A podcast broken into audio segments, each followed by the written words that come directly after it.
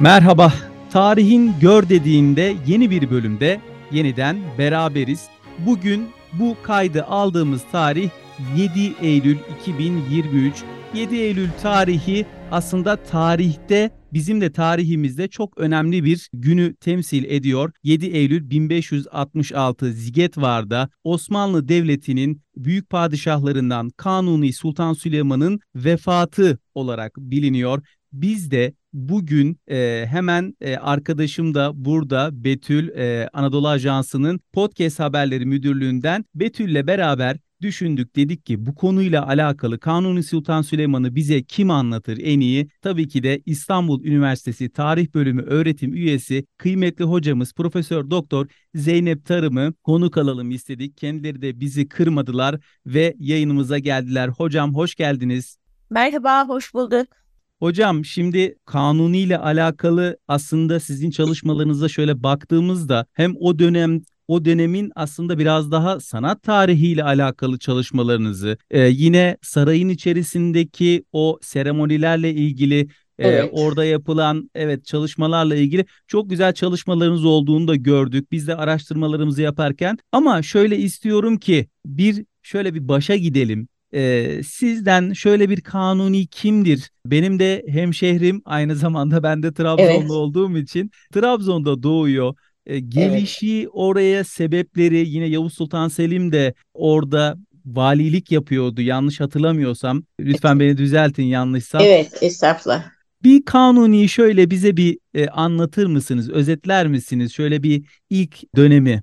Evet elbette Trabzon 1494 doğumlu Kanuni Sultan Süleyman, Sultan Selim'in, 1. Selim'in oğlu. 1. Selim Trabzon'da valilik yaptığı sırada orada doğuyor. Onun için Trabzonlu aslında Sultan Süleyman ve babasının tahta çıkmasından sonra ancak İstanbul'a geliyor. Ondan sonra da Manisa'ya Manisa valisi olarak Manisa'ya Sancak Bey olarak tayin ediliyor babası Selim tarafından. Bir süre Manisa'da sancak beyliği yaptıktan sonra babası Selim'in ölümü üzerine Sultan Selim yine böyle bir e, sonbahar Eylül Çorlu civarında vefat ediyor. Bunun üzerine alelacele Manisa'ya haber veriyorlar. Yaklaşık 8 gün kadar sonra İstanbul'a vasıl oluyor ve burada bir tahta çıkma merasimi yapılıyor Sultan Süleyman için yani Şehzade Süleyman için e, ve burada tahta çıkıyor. O tahta çıktığı zaman e, aslında Yavuz Sultan Selim Doğu seferleriyle bütün güney ve doğu bölgesini emniyet altına almış, böyle bir politika izlemiş. Ama onun dışında çok ciddi sanat ve kültür ortamında çok ciddi gelişmeler olmuş. Kanuni Sultan Süleyman böyle bir ortamda hiç rakipsiz olarak tahta çıkıyor. Bir başka erkek kardeşi yok ve bir, dolayısıyla herhangi bir taht kavgasıyla uğraşmadan doğrudan tek veliaht olarak,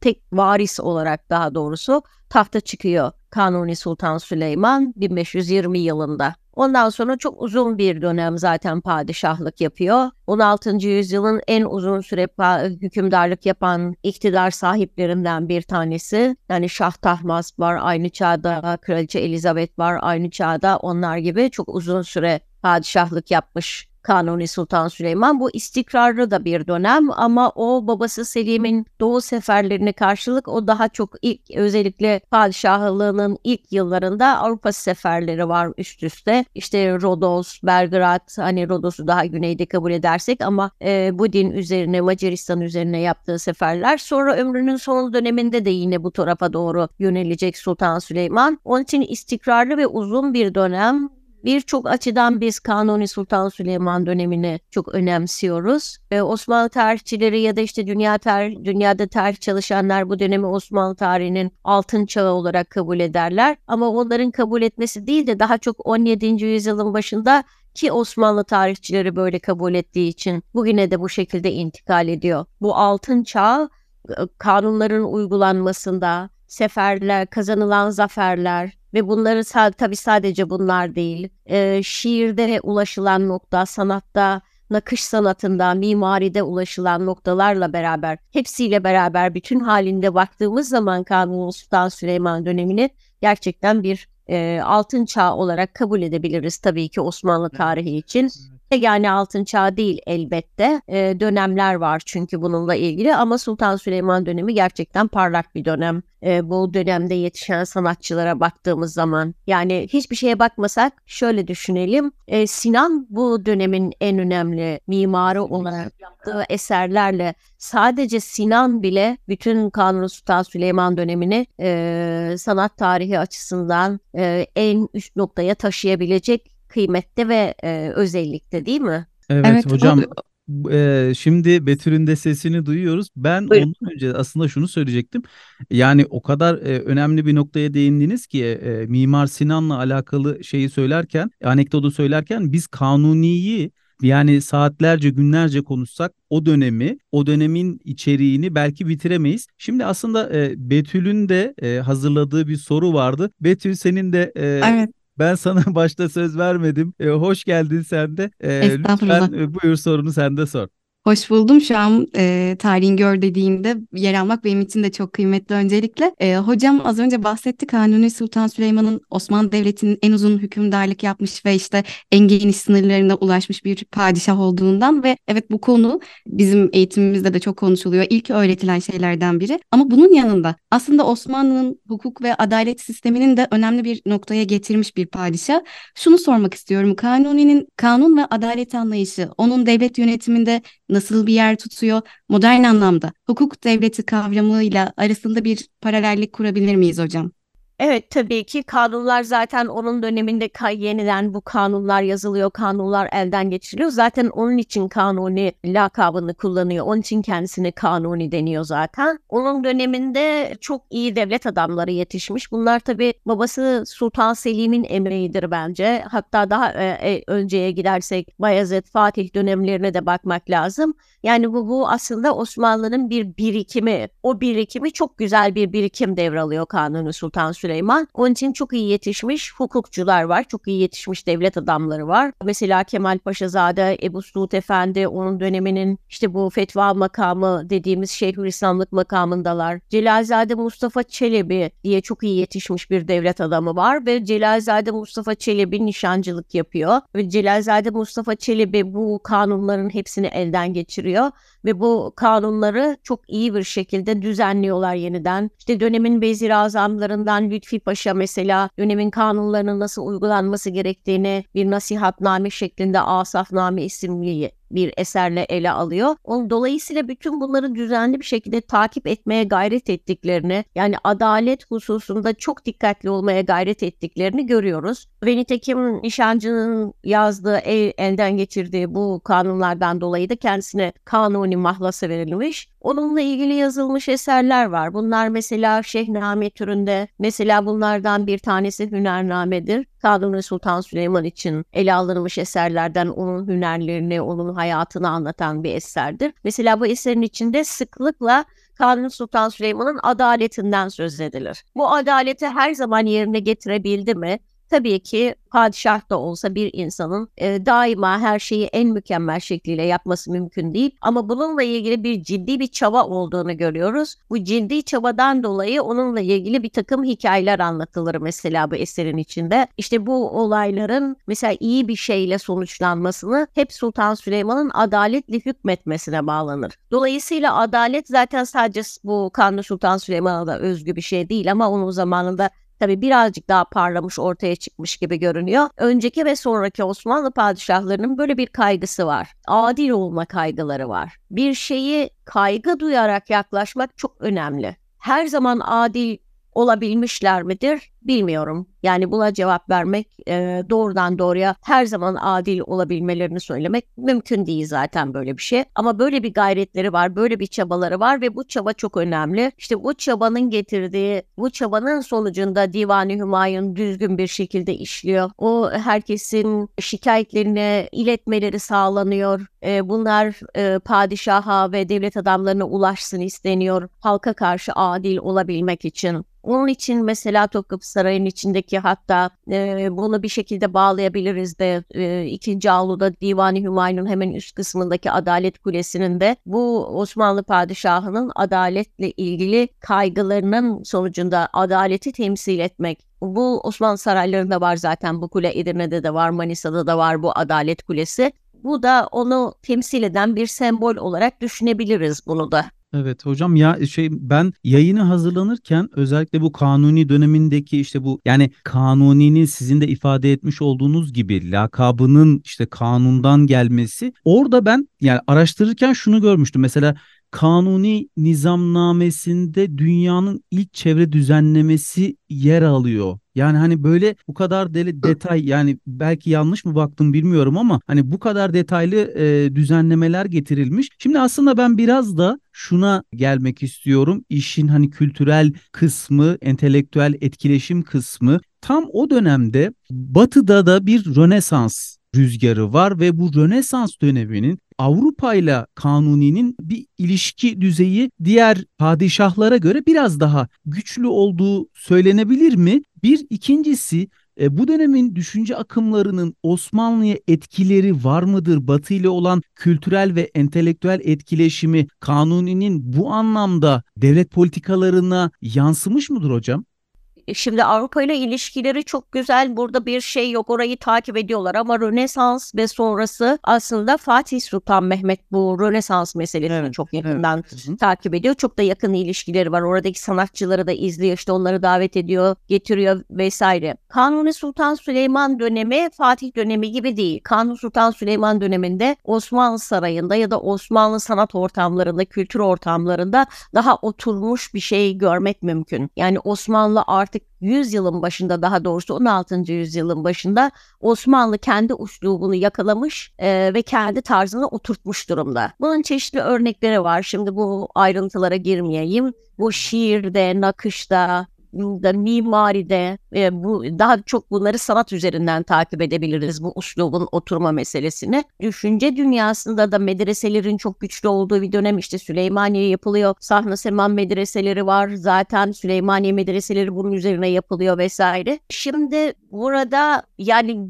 onların ilişkileri kendilerinin doğusuyla daha iyi. Batı Asya saraylarıyla çok yakın bir ilişkileri var. Mesela Tebriz'i, Bağdat'ı, Semerkand'ı çok yakından takip ediyorlar. Bunu mesela e, bu dini biliyor, Roma'yı biliyor, Avrupa'yı takip ettiği kadar burayı da biliyor. Burada belki daha alt satırlarda şunu takip edebilir miyiz? Bir Enderun sistemi var biliyorsunuz Osmanlılarda. Bu Enderun'daki çocukları e, Avrupa'dan topluyorlar. Avrupa değil de daha çok Doğu Avrupa bölgesi yani Hristiyan ahali içinden toplanıyor. Onun dışında bir de esirler yoluyla e, Avrupa'dan gelen genç çocuklar var. Bu buradan gelen bir takım var. Bu tabii bir şekilde lisan olarak bir kere giriyor içeri. Onun dışında da Batı Asya bölgesindeki saraylardan bir düşünce adamlarının daha çok sanatçıların Osmanlı Sarayı'na geldiklerini görüyoruz. Bunların bir kısmı savaş sonrası getiriliyorlar, bir kısmı kendiliğinden geliyor. Dolayısıyla bana göre hem doğusuyla hem batısıyla e, yakın ilişkisi var. Ama kendi tarzını oluşturmuş artık bu tarihlerde. Evet. Yani Kanuni döneminde Bu coğrafyanın genişlemesi e, bir anlamda aslında e, buradaki kültür sanata da çok ciddi anlamda o zaman etki ediyor diyebiliriz değil mi hocam? Evet ama yani hani bu etki oradan beslenerek zuhur ediyor değil de burada bir sentez söz konusu. Kendi uslubunu oluşturmuştur dediğim bu. Benim kendi uslubunu oluşturmuştur bu tarihlerde. Yani bu e, mesela 18. yüzyılın sonunda ya da 19. yüzyıldaki etkiler gibi bir etki değil bu. Yani burada Osmanlılaşıyor her şeyi gördüğünüz. Buraya giren her şey Osmanlılaşıyor bu tarihlerde. Dediniz ya O- önce e, çok özür dileyerek araya giriyorum ama yani o kendi sistemini oturtmuş dediğiniz aslında o zaman hani devşirme e, mantığını kültür sanatta da görebiliriz yani.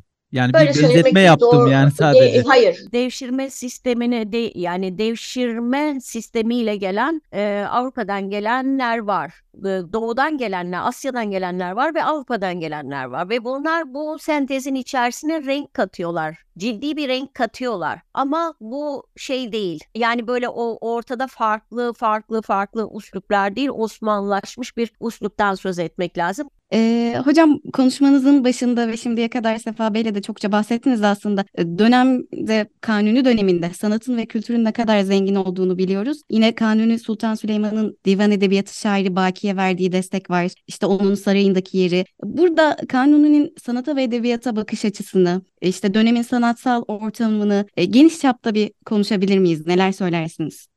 Evet, Kanuni Sultan Süleyman dönemi sanatta, edebiyatta e, belli bir Osmanlılaşmanın artık olduğu bir dönem diyebiliriz. Mesela hat sanatında Şeyh Hamdullah'ın açtığı bir çığır var. O e, bütün İslam coğrafyasında hat belli bir uslupla yazılırken Şeyh Hamdullah ikinci Bayezid'in desteğiyle ikinci Bayezid burada çok gerçekten çok mühim bir destek veriyor Şeyh Hamdullah'a ve ona bizim zevkimize uygun bir şeyler yazmasını istiyor ve Şeyh Hamdullah işte burada Osmanlı uslubunda yazmaya başlıyor. Şeyh Hamdullah'tan hemen sonra aslında çağdaş ama daha çok Kanuni Sultan Süleyman döneminin yani kendi çağının ötesinde şeyler yapan bir hattatı var. Ahmet Karahisari. Bu Karahisari'nin yazdığı bir Kur'an-ı Kerim var. Bugün Topkapı Sarayı koleksiyonunda muhafaza ediliyor. Hatta onun bir kopyası şu anda Saadet Dairesi'ne girdiğiniz zaman ziyaretçi olarak görebiliyorsunuz o Kur'an Kur'an-ı Kerim'in bir kopyasını. Mesela o dönemin çok önemli eserlerinden bir tanesi. Kanuni döneminde yazılmış. Yani bu kadar çağ geçmiş hala fevkalade güzel olduğu kabul edilen çok güzel bir Kur'an-ı Kerim o. İşte o dönemde e,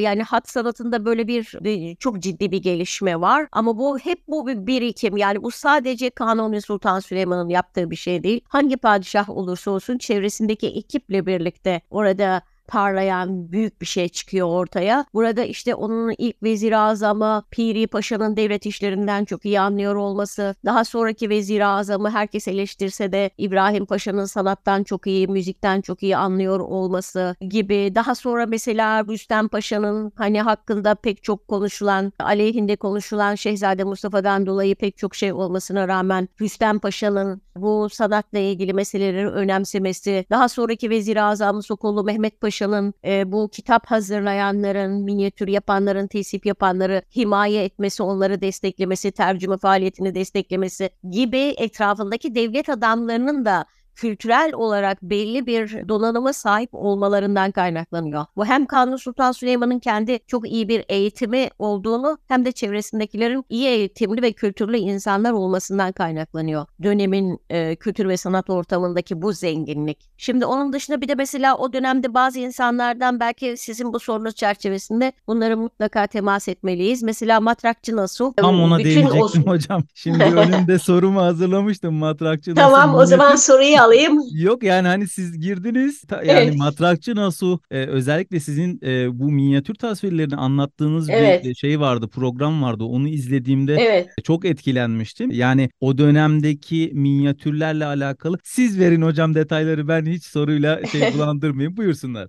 Matrakçı Nasuh yani e, bütün Osmanlı tarihinin yıldızlarından biridir. Yani o bir yıldız sanatçıdır Matrakçı Nasuh. İşte o hazırladığı e, resimler var. Onun bu figürsüz resimler. Bu alanda çalışanlar topografik resimde şeklinde de ifade ediyorlar. Bunlar şehir tasvirleri. Düşünebiliyor musunuz? Bütün coğrafyacılar için kaynak kaynak özelliğini bırakın bir tarafa. Bir tarafıyla da çok çağının ötesinde güzel tasvirler bunlar Matrakçı Nasuh'un. Matrakçı Nasuh da işte 2. Bayezid döneminde sonra Selim, Sultan Selim dönemi ve Kanuni Sultan Süleyman döneminde eserlerini veriyor. Tabii hem matematikçi, matematiğe dair eser veriyor. Yani tam hezarfen dediğimiz e, insan tipi matematiğe dair bir eseri var. İşte matrak oyununda çok mahir olduğu için zaten kendisine matrakçı deniyor. Ayrıca çok güzel maketler, e, maketten kaleler yapabildiğine göre bir mimarlık şeyi de var, donanımı da var. Ama onun dışında bu resimleri de kendisinin yaptığını tahmin ediyoruz. Ve ayrıca da müellif, yazar. Hem yazıyor, hem çiziyor, hem e, maketler yapıyor, hem e, çeşitli oyunlarda mahir, hem matematikçi. Yani böyle çeşitli açılardan baktığınız zaman müthiş bir insanla karşı karşıya geliyorsunuz. İşte dönemin mesela e, tesipte karamemi, saz uslubu dediğimiz nakışta hani bu kağıt üzerine yapılan nakış ama aslında bu uslubu daha sonra biz de çeşitli e, şeyler üzerinde de mesela kumaş üzerinde de görüyoruz. Şah kolu mesela dönemin önemli sanatçılarından biri. Bunlar e,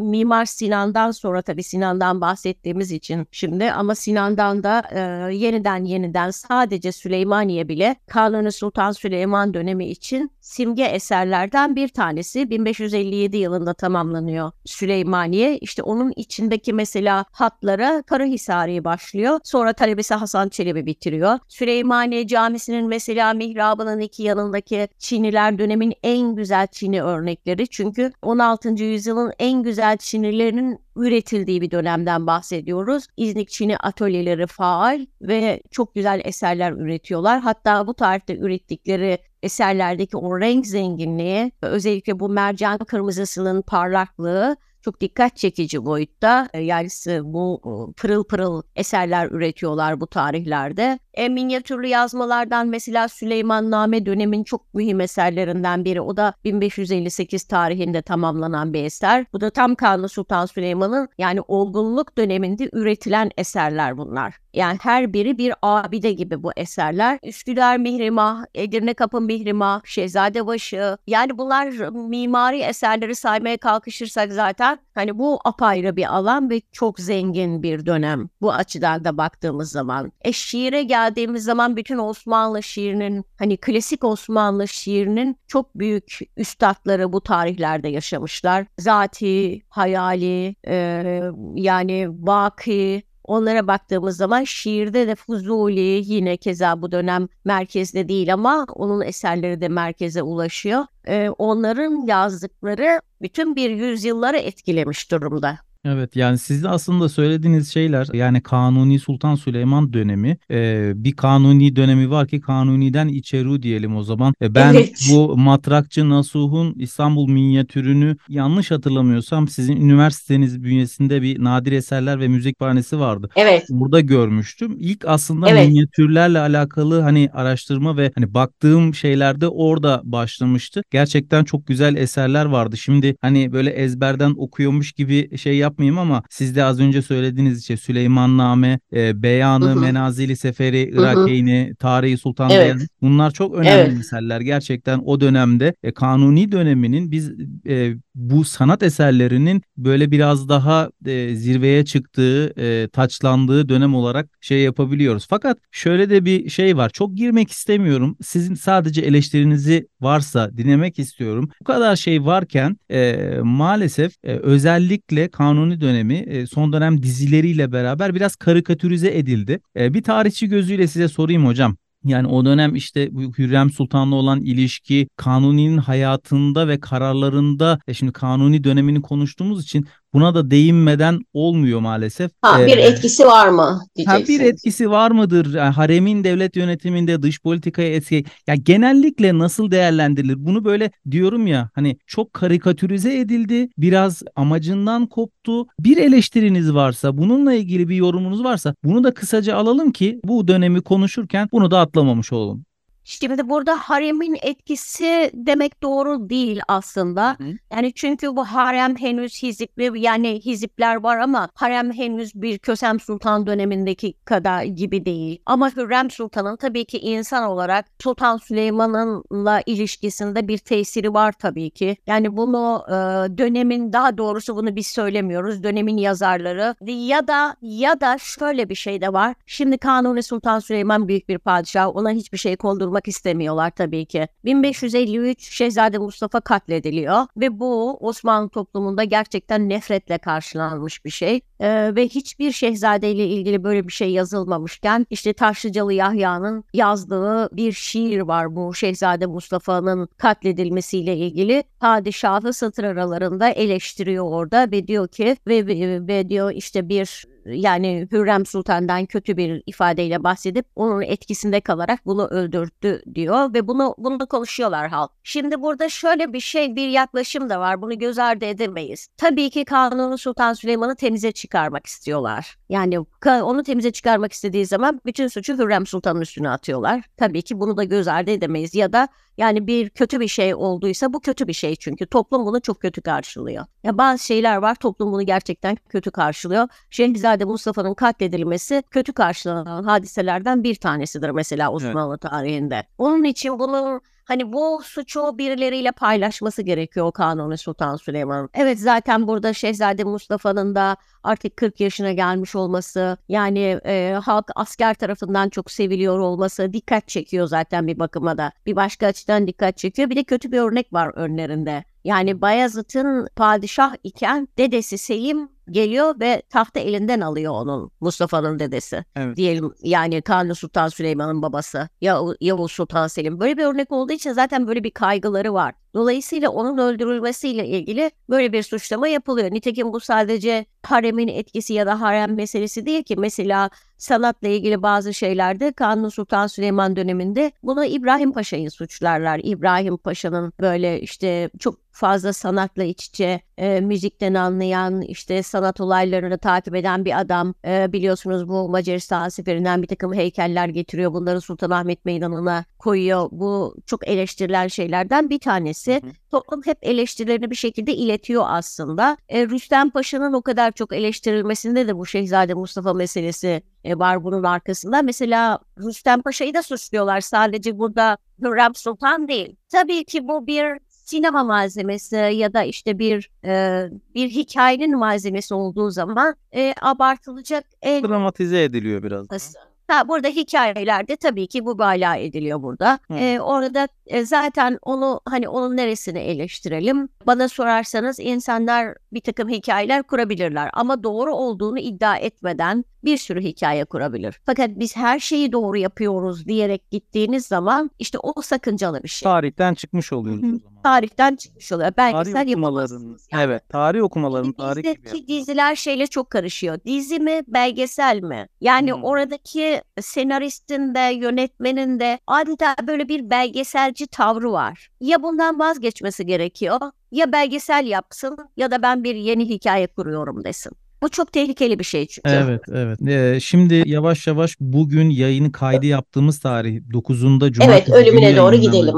Ee, Evet, Zigetvar'a de. doğru gidelim. Ee, Betül e, buyur. Culus kısmını konuşalım istiyorum ben de. Zaten hocam Culus denince işte e, iki soru burada akla geliyor. Ölüm ve tahta çıkış. Hüzünle müjde bir arada. E, sizin de bahsettiğiniz gibi tahta başka kardeşi olmadan çıkan tek padişah Kanuni. Şimdi ne zaman Kanuni ölümü nasıl oldu, nerede oldu? Belki ölümünden önce tahta geçişini de biraz konuşmak gerekir. Çünkü sizin bu konuda çok güzel bir çalışmanız var. Minyatürlerle zenginleştirdiğiniz. Hem öncesinde tahta geçişini konuşalım. Sonrasında vefat edişini ve ikinci Selim'in e, tahta geçiş kısmında neden Kanuni'nin ölümü sır gibi saklanıyor hocam? Buna da değinelim istiyorum. Hocam E bunu şimdi, tarih e, söyleşilerinde anlatmıştı. Ben çok e, şeyde ibretle dinlemiştim gerçekten. Güzel bir programda onu da e, dinleyicilerimizin o programı da kesinlikle e, izlemelerini de tavsiye edelim. Böyle bir şerhte düşeyim. Kesinlikle. Evet, teşekkür ederim. Ee, şimdi Kanuni Sultan Süleyman zaten tek şehzade olduğu için hiçbir şekilde bir problem olmadan babasının ölümünden 8 gün sonra tahta çıkıyor. Sultan Selim zaten Edirne'ye giderken yol üzerinde ölüyor. Ondan sonra e, Manisa'dan davet ediyorlar. Programın başında söylemiştik zaten. E, Topkapı Sarayı'nın ikinci avlusunda büyük bir merasim düzenleniyor. Piri Paşa'nın da önderliğiyle yani e, babasının sadrazamı Piri Paşa. Ertesi günü sabah erkenden İstanbul'a vasıl olduktan olmasının ertesi günü sabah erkenden bir program düzenleniyor burada ve burada bir biat merasimi yapılıyor. Şimdi bu biat merasimleri üç ana grubun katılması gerekiyor bu törenlere. Birincisi askerler, ikincisi ulema yani bütün akademisyenler, üçüncüsü e, bürokratlar, bütün memur sadrazam başta olmak üzere yüksek üst düzey memurların mutlaka bu üç grubun bu merasimlerde olması gerekiyor. Ve burada yapılan biat merasiminin anlamı padişahlığını onayladım anlamına geliyor. Buradaki her bir kişinin padişahın önüne gelip onu tebrik etmesi padişahlığını onaylaması anlamına geliyor. Padişahlık mutlaka onaylanarak onaylanacak ondan sonra tahta çıkacak. Yani hiçbir kimse Osmanlı tarihi boyunca kendi başına gidip bir yerde ben padişah oldum, e, işte şunu da vezir azam tayin ettim vesaire diyemez. Bütün burada devlet adamlarının, askerlerin ve ulemanın hepsinin olduğu bir yerde bu merasimin yapılmasının ana anlamı bu aslında. Onun için bu merasim muhakkak yapılır. Küçük yapılır, büyük yapılır. Seferde ise yapılması gereken yerde yapılır. Ama genellikle eğer başkente yakın bir yerdelerse bunlar İstanbul'a yakın ve Topkapı Sarayı'nın içinde yapılır tabii ki. İşte bunlardan mesela 2. Bayezid İstanbul'a geliyor biliyorsunuz tahta çıkmak için. Yavuz Sultan Selim babası tahttan kendisi tahta çıkmak istiyor. Babası tahtını ona bırakıyor. O sadece sarayın dışında yapıyor biat merasimini. E, çünkü babasına bir saygısızlık yapmak istemiyor. Babası henüz saraydan çıkmadığı için sarayın dışında yapıyor. Ama Kanuni Sultan Süleyman tahta geldiği zaman Topkapı Sarayı'nda kimse yok ve Topkapı Sarayı'nda yapılan çok büyük bir merasim oluyor Kanuni Sultan Süleyman'ın tahta çıkması. Kanuni Sultan Süleyman'ın tahta çıkmasının bu, bu, bu şekilde tahta çıkıyor. Ölümü e, tabii bundan çok uzun bir zaman sonra ölümüne gelirsek gelelim mi ölümüne? Gelelim Evet gelelim hocam ziget var. var. Bu bulak 6, meselesi 7, vardı. 6 Eylül'ü 7 Eylül'e bağlayan gece sabaha karşı vefat ediyor Kanuni Sultan Süleyman. Tam da işte biz o ölümünden birkaç saat sonra e, yani ölümünden işte saatler sonrasında bu programı yapıyoruz diyelim tam seneyi devriyesi. E, bu da güzel. Aslında e, bir 6-7 Eylül'de Macaristan Bilimler Akademisi'nin düzenlediği bir program vardı 1566 sadece spesifik olarak 1566 yani o gün yaklaşık olarak bütün e, dünyada bu dönemin uzmanları vardı ve biz o günün sabahı da orada Siget vardı. Oradaki ilk gömüldüğü yere gittik. O da çok güzel bir şey olmuştu. Çok anlamlı olmuştu güzel derken. Çok anlamlı bir program olmuştu. Biz sonra İstanbul Üniversitesi'nde de yaptık böyle bir program. Kanuni Sultan Süleyman'ın seneyi devriyesi için işte türbesine giderek üniversitede çünkü e, bu şimdi Macaristan'daki ilk gömüldüğü yer Macaristan'daki meslektaşlarımız bunu önemsiyorlar. Orada bir takım arkeolojik kazılar yapıldı. Yer tespiti yapıldı. Şimdi o bölge üzerindeki çalışmalarını da yayınladılar. Biz de onları davet ettik buraya. Onlar oradaki çalışmalarını anlattılar. Onlar bizi davet ettiler. Biz gittik onların yaptıkları işleri gördük orada. Böyle de bir ilişkimiz var bu bağlamda. Zaten Macaristan'da Macaristan'daki meslektaşlarımız da Osmanlı tarihi konusunda çok tenekli ve çalışkan arkadaşlarımız var orada. Osmanlı tarihi çalışan özellikle bu Kanuni Sultan Süleyman dönemi çalışıyor. Geza David, Paul Gabor Agoston gibi e, arkadaşlarımız var. Bunları Erika çalışıyor yine bu türbeyle ilgili olarak çalışan coğrafyacı arkadaşlar da var Norbert Bey gibi. Şimdi Kanuni Sultan Süleyman uzun süre sefere çıkmıyor. Ondan sonra bir sefer kararı alınıyor ve bir Ramazan bayramından hemen sonra yola çıkıyorlar. Yaklaşık 50 günde Belgrad'a ulaşıyorlar. Belgrad'dan sonra güzergah belli oluyor. Sigetvar'a doğru, Sigetvar Kalesi'ne doğru gidiyorlar. Ve Sigetvar Kalesi'ne yaklaşmadan önce önce Pek civarında bir ordu konaklıyor. Ondan sonra Sigetvar Kalesi'nin önüne yaklaşıyorlar ve burada kaleyi kuşatacak şekilde konuşlanıyorlar. Kale aslında çok büyük bir kale değil ama müstahkem bir kale, iyi korunan bir kale. Kalenin komutanı Zirinski. Zirinski de kendi adına gerçekten kahramanca savunuyor kaleyi. Yani Osmanlı ordusunun karşısındaki e, Macar, Macar birliği de e, orada gayet sağlam duruyor ve kale etrafında derin hendeklerle korunan yani kale kademedeni zaten çok yüksek. Adeta dört birim iç içe gibi burada böyle bir iç içe geçmiş bir kale e, planı var. Şimdi elimizde resim olsaydı onu daha güzel gösterebilirdik. E, bu kalenin savunması günlerce sürüyor e, ve padişah e, zaten yol boyunca rahatsız. İstanbul'dan çıkışı hatta İstanbul'da bayramın hemen ertesi yani bayramın ikinci üçüncü günü çıkmak istiyorlar ama yola çıkamıyor. Zaten rahatsız hasta ve yol boyunca da hasta olduğunu anlıyoruz. Çünkü şehirden şehire geçerken hep arabayla seyahat ediyor. Ancak bir şehre geldikleri zaman arabadan iniyor ve atla. Çünkü halka at üzerinde görünmek istiyor. Ee, ve askere de at üzerinde ne kadar sağlam olduğunu göstermek istiyor aslında. 70 yaşını geçmiş. Aslında kendi dönemi için çok mu yaşlı?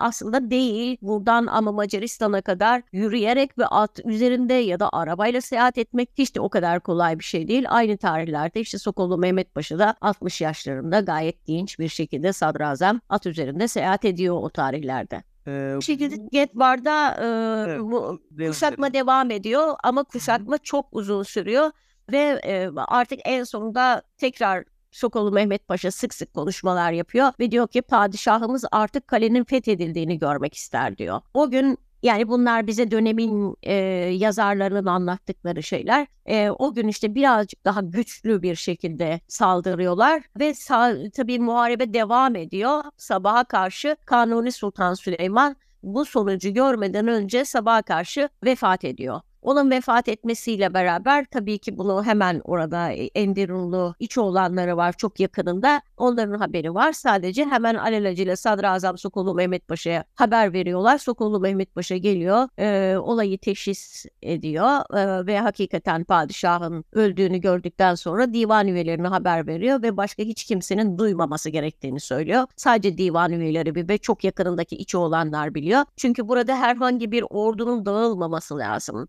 Askerin moralinin bozulmaması lazım. Padişah ölmüş, şehzade burada yok ve burada bir moral bozukluğu olup dağılabilirler diye tabii ki bunu hiçbir şekilde söylemiyorlar. Fakat enteresan güzel e, bir şekilde aynı günü yani padişah öldükten iki saat sonra kale düşmüş aslında. Hemen o arada kaleyi fethediyorlar, içeriye giriyorlar. Hatta çok enteresan Zirinski de aynı sabah yani Kanuni Sultan Süleyman'la araları birkaç saat zaten. Zirinski'yi de içeriye giriyorlar. Osmanlı askeri içeriye giriyor ve Zirinski'yi e, komutanı da öldürüyorlar. E, ve e, burada bu sefer uzun bir süre beklemeleri gerekiyor. 40 günden fazla bekliyorlar Sketvar'da. Tabii ki öldüğü yere, öldüğü yere hemen orayı açıyorlar ve oraya defnediyorlar. Ve defnederken tabii ki iç organlarını çıkarıyorlar. Bir e, kokma ne kadar kalacaklarını bilmiyorlar çünkü e, bir sonraki padişah adayı 2. Selim Kütahya'da. O kadar uzak bir yerde ki o günün şartlarında bile ne kadar hızlı gelirse gelsin neresinden baksanız en az 10-15 gün orada kalmaları gerekiyor. Yani bir haberci Kütahya'ya gidip haber verecek Sonra orada Şehzade Kütahya'dan yola çıkıp e, Belgrad'a ulaşacak. Onun için bu 15 gün bile çok tabii ki basit bir tarih. Çok daha uzun bir zamana ihtiyaç var. Onun için iç organlarını çıkarıp e, bu yattığı yerin altına defne e, onu da oraya gö ayrıca gömüyorlar. Padişahı da oraya defnediyorlar. Tabii ki defnederken Osmanlıların kullandığı belki de bütün halk da biliyordu bunları. Şimdi biz bunları kullanmıyoruz ama bir takım otlar, bir takım kokular tutuyorlar. Bozulmasın ceset diye. Evet. Abir, amber bize intikal eden kelimeler bunlar. Yani böyle bir takım kokulu maddeler bunlar da bunlarla o kadar iyi e, olduğu gibi bir çeşit dezenfektan yapıyorlar zannediyorum. E, işte bu teçhiz ve tekfin diyorlar zaten bu da bu şekilde gömüyorlar. Gömdükten sonra tabii ki burada askeri oyalamak lazım. İşte askere diyor ki şimdi işte yan taraftaki şuradaki köye gitsinler. Öbür taraftaki kasabayı gönderiyor bir grubu. İşte şimdi Sigetvar'ı fethettik ama bunun içine bir cami yapmak lazım diyor. Hadi bu cami yapmadan buradan ayrılamayız diyorlar vesaire böyle bir takım oyalama şeyleriyle asker hem civarı e, kontrol altına alıyor hem e, Sigetvar'a bir kaleyi yani yeniden imar kaleyi değil ama içeriye bir bir cami yaptırarak civarını imar etmek gibi bir takım işlerle meşgul oluyorlar. Aslında ki buradaki ana amaç Şehzade'yi bekliyorlar. O dolayısıyla burada e, çok uzun bir zaman kalıyor.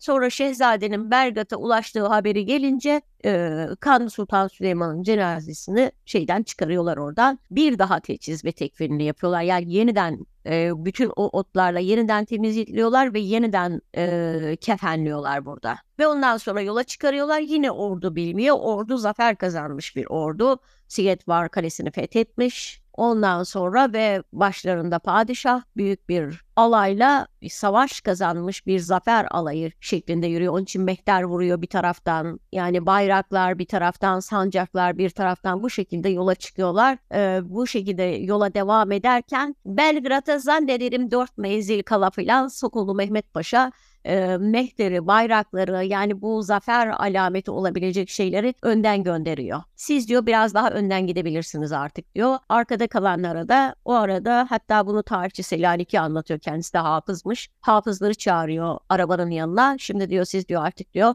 Kur'an okumaya başlayabilirsiniz diyor. Hmm. Orada Selanik'i 8-9 hafızlık diyor galiba. Solaklar bizi yaklaştırmak istemedi diyor arabanın etrafına. Sokalı Mehmet Paşa diyor ki bir problem yok ben onlarla konu şey bir sorun olmayacak siz okuyun diyor. Gece vaktiydi diyor bir orman kenarındaydık. Hafızla Kur'an sesi yani herkes birden Kur'an okumaya başlayınca tabii ki ordu anlıyor Kanuni Sultan Süleyman'ın ölmüş olduğunu. Burada çok etkileyici bir sahne tabii ki bu. Ordu işte 40 yıldır birlikte savaşa gittiği bir padişahları var. 40 yıldan fazla 46 yıl birlikte savaşa gittikleri bir padişah var. Tabii ki çok üzülüyorlar ve zınk diye duruyor orada orada hareket etmiyor. Artık herkes ağlamaya başlıyor ve işte orada Sokolu Mehmet Paşa'nın yaptığı bir konuşma var onlara. Diyor ki bu kadar yıllık diyor padişahınız diyor. Onu sevmek böyle midir diyor. Şimdi dua vaktidir diyor onlara ve böyle orduyu toparlıyor ve yola devam ediyorlar. Ee, bu sahne zaten hakikaten çok e, dramatik bir sahne ve Bergat'a vasıl oluyorlar. Burada ikinci Selim onları karşılıyor. Ee, ve ondan sonra burada artık yeniden bir cenaze namazı kılınıyor burada. Herhalde bu üçüncü cenaze namazı oldu. Birinci ilk defnederken onu çıkardılar muhtemelen orada kıldılar ve geliyorlar bu Bergat'ta bir cenaze namazı kılıyorlar. Hazırlıyorlar ve e, ordunun önünden İstanbul'a gönderiyorlar Kanuni Sultan Süleyman'ı. Hocam öyle bir anlattınız ki yani o son sahneleri böyle sanki izliyormuşuz gibi oldu gerçekten Evet benim tüylerim sağlık. diken diken oldu gerçekten. Evet, e, yani ben de o zaman hemen Baki'den böyle e, şeyi söyleyeyim. Avazı söyleyin, alemde, söyleyin. E, Davut gibi sal, Baki kalan bu kubbede bir hoş sadaymış. E, gerçekten de Kanuni Sultan Süleyman dönemi e, sayfalarca anlatılacak metinler, günlerce konuşulacak programlara sığmayacak belki de çok geniş kapsamlı. Sizler gibi kıymetli bir hocamızın da böyle bir programda bize bu bilgileri aktarmış olmanızdan da çok büyük memnuniyet duyduk. Ağzınıza sağlık hocam. Ee, söylemek istediğiniz Evet. başka bir şey yoksa programımızı yavaş yavaş sonlandıralım inşallah. Çok teşekkür ederim. İyi çalışmalar, iyi yayınlar diliyorum. Biz de çok teşekkür ederiz teşekkür hocam. ediyoruz. İstanbul Üniversitesi Tarih Bölümü öğretim üyesi hocamız e, bizlerle birlikte oldu. Zeynep Tarım hocamız, Profesör Doktor Zeynep Tarım hocamız. Yani gerçekten böyle kanuni dönemini kimle konuşurduk? Zeynep hocamızla konuşurduk. Çok güzel oldu. Çok da yani ben çok memnun kaldım gerçekten. Tarihin gör dediğinde çok güzel bir programı geride bıraktık. Kıymetli dinleyicilerimize de buradan tekrar e, yayınlarımıza abone olmalarını tavsiye ediyorum. X platformunda da AA Sesli hesabında bizi takip etsinler. Tarihin Gör dediğinde yeni bir bölümde sizlerle buluşmak dileğiyle diyelim ve programımızı burada sonlandıralım. Hoşçakalın.